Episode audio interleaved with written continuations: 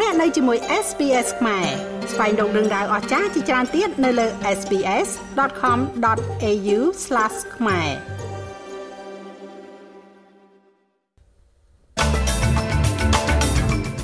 កងកម្លាំងសង្គ្រោះបន្ទាន់របស់អូស្ត្រាលីចាក់ចេញទៅកាន់ប្រទេសទូគីខណៈដែលជនជាតិអូស្ត្រាលី3នាក់នៅបាត់ខ្លួននៅឡើយ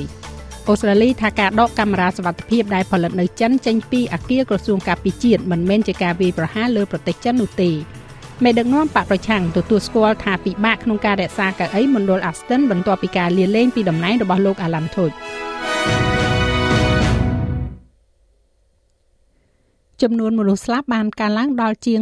21000នាក់នៅទូទាំងប្រទេសទូគីនិងសេរីបន្ទាប់ពីគ្រោះរំជួយដីដ៏មហន្តរាយបំផុតរបស់ពិភពលោកនៅក្នុងរយៈពេលមួយទសវត្សរ៍បានវាយប្រហារប្រទេសទាំងពីរនេះ។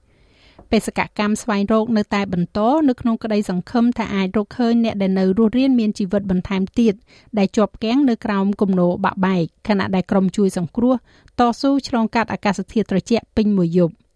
អ្នកស្ម័គ្រចិត្តមួកសម្នាក់គឺលោកអ៊ីស្មែលអាឡាប៊ូឡាបានប្រាប់ទូរទស្សន៍ប៉ុស្តិ៍លេខ9ថាត្រូវការជំនួយបន្ថែមទៀតនៅកន្លែងកើតហេតុដើម្បីជួយក្នុងបេសកកម្មជួយសង្គ្រោះនេះ។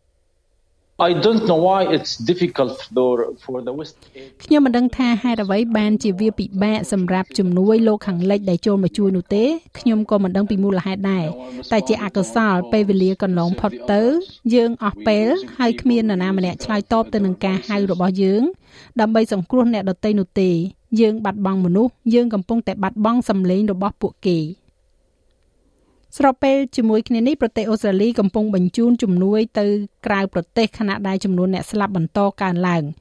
នេះកើតឡើងនៅពេលដែលបរិសុជនជាតិអូស្ត្រាលីម្នាក់ឈ្មោះ Ken Pahali ត្រូវបានបញ្ជាក់ថាបានស្លាប់កាលពីថ្ងៃប្រហ័សហើយជនជាតិអូស្ត្រាលី3នាក់នៅបាត់ខ្លួនបន្ទាប់ពីគ្រោះមហន្តរាយ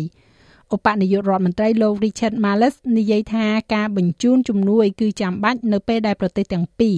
ព្យាយាមស្វែងរកសាកសពរាប់ពាន់នាក់ដែលគ្របដណ្ដប់ដោយកំទេចថ្មនិងធូលី។ I think every Australian has been moved by ខ្ញុំគិតថាជនជាតិអូស្ត្រាលីគ្រប់រូបបានរំជើបរំជួលចំពោះអ្វីដែលពួកគេបានឃើញនៅលើកញ្ចក់ទូរទស្សន៍របស់ពួកគេ ដែលចាក់ផ្សាយពីប្រទេសទូគីនិងសេរី នេះគឺជាព្រឹត្តិការណ៍ដ៏រន្ធត់មួយហើយខ្ញុំគិតថាបេះដូងរបស់យើងកំពុងតែនិយាយអំពីកន្លែងដែលមានមនុស្សស្លាប់ជាច្រើននៅព្រឹកនេះយន្តហោះ C17 នឹងចាក់ចេញពីមូលដ្ឋាន RAAF ទីក្រុង Richmond ជាមួយនឹងអ្នករុករកនិងជួយសង្គ្រោះក្នុងក្រុងចំនួន72នាក់ដែលនឹងធ្វើឲ្យមានភាពខុសប្លែកគ្នានៅពេលដែលពួកគេទៅដល់កន្លែងកើតហេតុ សហគមន៍ទូគីនិងសេរីនៅក្នុងប្រទេសអូស្ត្រាលីកំពុងធ្វើការស្មឹងស្មាតឧទ្ទិសដល់ជនរងគ្រោះនៃគ្រោះរំជួយដីដ៏មហន្តរាយនេះថ្លែងទៅកាន់ ABC Breakfast ពី Grand Moose ក្នុងទីក្រុង Melbourne លោកនាយក Rifai Rai Eham មានប្រសាសន៍ថាវាមានសារៈសំខាន់ណាស់សម្រាប់សហគមន៍នៅក្នុងការជួបជុំគ្នាក្នុងអំឡុងពេលដ៏មហន្តរាយនេះ Uh, they are shocked and sad. Um, even last night I spoke to one ពួកគេភ្ញាក់ផ្អើលនិងសោកសៅសូម្បីតែយប់មិញខ្ញុំបាននិយាយជាមួយនឹងសមាជិកគណៈកម្មាធិការម្នាក់ដែលនៅទីនោះនៅពេលនេះនៅក្នុងប្រទេសទូគី គាត់កំពុងយំពេញពេលសន្ទនាតាមទូរស័ព្ទគាត់បាននិយាយថាខ្ញុំមិនបានឃើញអ្វីនៅទីនេះក្រៅពីមនុស្សយំយេកហើយពួកគេកំពុងតែជីកកកាយគំនោបែកបាក់ហើយព្យាយាមស្វែងរកសាកសពមនុស្សជាទីស្រឡាញ់របស់ពួកគេដូច្នេះវាគឺជាស្ថានភាពដ៏សោកសៅមួយដែលឆ្លោះបញ្ចាំងផងដែរនៅក្នុងប្រទេសសេរី ប្រទេសកម្ពុជាជាមួយគ្នានេះក៏ផ្ដល់ជំនួយ100000ដុល្លារអាមេរិករួមចំណែកជួយប្រទេសទូគីផងដែរក្រោយរងផលប៉ះពាល់ដ៏ធ្ងន់ធ្ងរនេះក្រសួងការបរទេសកម្ពុជាបានប្រកាសថាការបរិច្ចាគវិភាគវិភាគទានជាថាវិការជួយដល់ទូគីនៅពេលនេះគឺធ្វើឡើងក្នុងស្មារតីមិត្តភាពភាពជិតស្និទ្ធនិងសាមគ្គីភាពរបស់រដ្ឋាភិបាលកម្ពុជាចំពោះប្រជាជននិងរដ្ឋាភិបាលទូគី។ ចាស់លោកមេងផល្លានឹងជួនសេចក្តីរាយការណ៍លម្អិតនៅវគ្គក្រោយជាបន្តទៀតប៉ុន្តែលោកអ្នកក៏អាចបើកស្ដាប់របាយការណ៍ពេញលើគេហទំព័ររបស់យើងនោះគឺ sbs.com.au/ ខ្មែររដ្ឋមន្ត្រីការពារជាតិអូស្ត្រាលីលោក Richard Marles មានប្រសាសន៍ថាការដកកាមេរ៉ាសវត្ថិភាពដែលផលិតនៅប្រទេសចិនចេញពីអាគារក្រសួងការពារជាតិមិនមែនជាការវាយប្រហារលើប្រទេសចិននោះទេ លោក Males និយាយថាលោកជឿថាកាមេរ៉ាទាំងអស់ត្រូវបានដកចេញរួចហើយប៉ុន្តែកំពុងស្វែងរកការបញ្ជាក់ជាមួយនឹងនាយកដ្ឋាន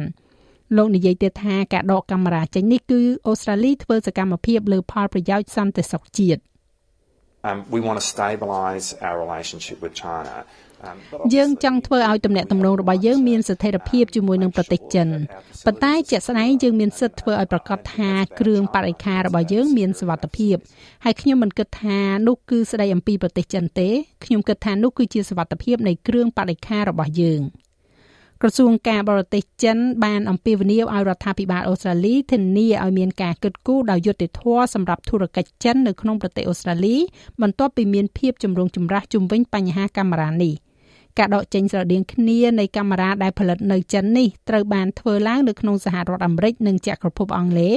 ដោយសារតែមានការព្រួយបារម្ភថាក្រុមហ៊ុនកាមេរ៉ាចិនអាចត្រូវបានបង្ខំឲ្យចែករំលែកភាពឆ្លាតវៃដែលប្រមូលបាន ដោយកាមេរ៉ាទាំងនេះជាមួយនឹងរដ្ឋាភិបាលចិនមេដឹកនាំបកប្រឆាំងលោក Peter Dutton បានទទួលស្គាល់ថាគណៈបករបស់លោកនឹងត្រូវតស៊ូដើម្បីរក្សាកៅអីមណ្ឌល Aston ក្នុងរដ្ឋ Victoria បន្ទាប់ពីការលាលែងពីតំណែងរបស់អតីតរដ្ឋមន្ត្រីលោក Alan Tudge លោកថូចបានប្រកាសថាលោកកំពុងដើរចេញពីនយោបាយសហព័ន្ធដោយលើកឡើងពីហេតុផលសុខភាពនិងគ្រួសារ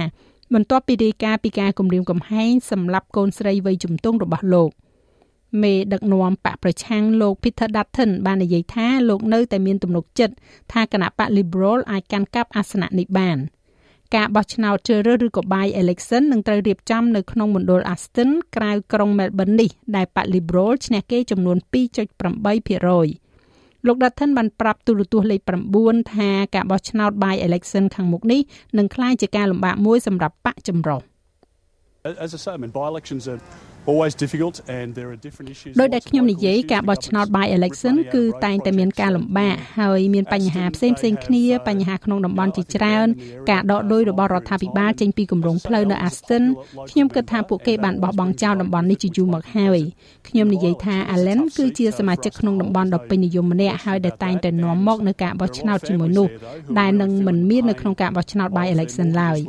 វាគឺជាកៅអីដ៏លំបាកមួយសម្រាប់ពួកយើងក្នុងការកាន់កាប់គ្មានអ្វីគួរឲ្យសង្ស័យទេហើយមានក្រុមគ្រួសារជាច្រើននៅទីនោះដែលកំពុងតែរងទុក្ខដោយសារតែប្រាក់កម្ចីទិញផ្ទះរបស់ពួកគេដែលតែងតែឡើងខ្ពស់ជាងមុននៅក្រោមការដឹកនាំរបស់បក Labor នោះគឺជាការលំបាកនោះហើយជាការពិតនៃអ្វីដែលពួកគេកំពុងតែជួបប្រទះនៅពេលនេះព្យុះដ៏ធំបានវាយលុកផ្នែកជាច្រើននៃរដ្ឋ New South Wales ជាមួយនឹង ភ្លៀងធ្លាក់ខ្លាំងខ្លាំងនៅក្នុងទីក្រុងស៊ីដនីនិង Wollongong ដែលបង្កឲ្យមានទឹកជំនន់ភ្លាមៗនិងការរអិលបាក់ដី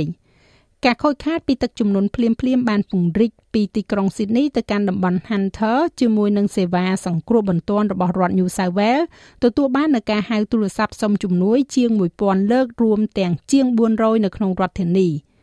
អ្នកឧតុនិយមជាន់ខ្ពស់ Jonathan Ho បានប្រាប់ស្ថានីយទូរទស្សន៍ប៉ុស្តិ៍លេខ9ថាគេរំពឹងថាមានអាកាសធាតុអាក្រក់ថែមទៀតសម្រាប់ផ្នែកជាច្រើននៅតាមបណ្ដោយឆ្នេរនៃរដ្ឋ New South Wales has been absolutely wild 24 to 48 hours not just in Sydney វាពិតជាធ្ងន់ធ្ងរនៅក្នុងរយៈពេល24ទៅ48ម៉ោងមិនត្រឹមតែនៅក្នុងទីក្រុង Sydney ប៉ុណ្ណោះទេប៉ុន្តែនៅតំបន់ឆ្នេរ Central Coast និងចុះឆ្ពោះទៅដល់ Illawarra ជាមួយនឹងព្យុះផ្គររន្ទះយ៉ាងខ្លាំងដែលបង្កើតឲ្យមានភ្លៀងធ្លាក់ខ្លាំងកាលពីម្សិលមិញដូច្នេះយើងបានឃើញភ្លៀងពី50ទៅ100មីលីម៉ែត្រនៅទូទាំងតំបន់ឆ្នេរនេះប៉ុន្តែយើងបានឃើញភ្លៀងធ្លាក់ខ្លាំងជាពិសេសនៅជុំវិញឆ្នេរ Central Coast ជុំវិញទីក្រុង Gosford Terrigal ដែលមានកម្រិតជាង100មីលីម៉ែត្រដែលនាំឲ្យមានការជន់លិចនិងរំខានតិចតួចភ្លៀងនៅតែមានសំណើមដូច្នេះទីក្រុងស៊ីដនីអាចរំពឹងថានឹងមានភ្លៀងធ្លាក់ពី3មេទៀតហើយមានឱកាសនៃព្យុះផ្គររន្ទះខ្លាំងនៅទីក្រុងស៊ីដនីយើងនឹងមិនឃើញមានភ្លៀងខ្លាំងដោយកាលពីពេលម្សិលមិញនោះទេប៉ុន្តែព្យុះនៅថ្ងៃនេះអាចបង្កើតជាព្រិលធំធំព្រមទាំងខ្យល់បោកបក់ដែលបណ្ដាលឲ្យខូចខាតផងដែរ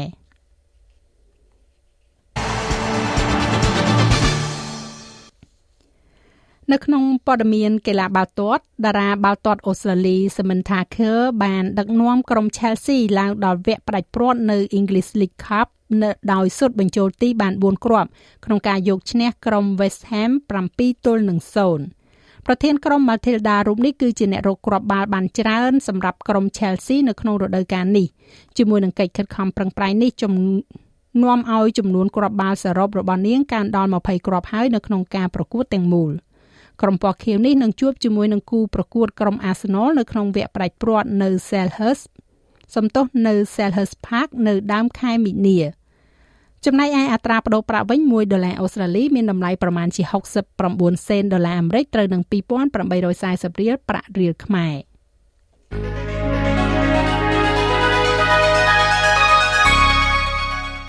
ឥឡូវយើងក៏លេខមកមើលការព្យាករណ៍អាកាសធាតុសម្រាប់ថ្ងៃសៅរ៍ស្អែកនេះវិញ នៅទីក្រុងផឺតបើកថ្ងៃ30អង្សា មានពពកនៅអាដាលេដ25អង្សា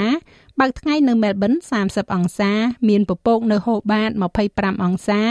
នៅខេនបេរ៉ាបើកថ្ងៃ32អង្សាស៊ីដនីបើកថ្ងៃ31អង្សាដូចគ្នានៅ Brisbane 33អង្សា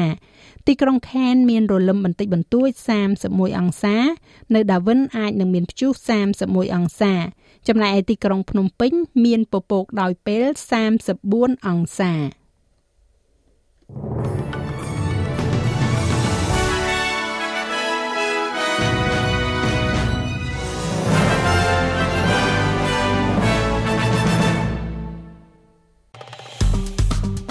ចុច like share comment និង follow SPS ខ្មែរនៅលើ Facebook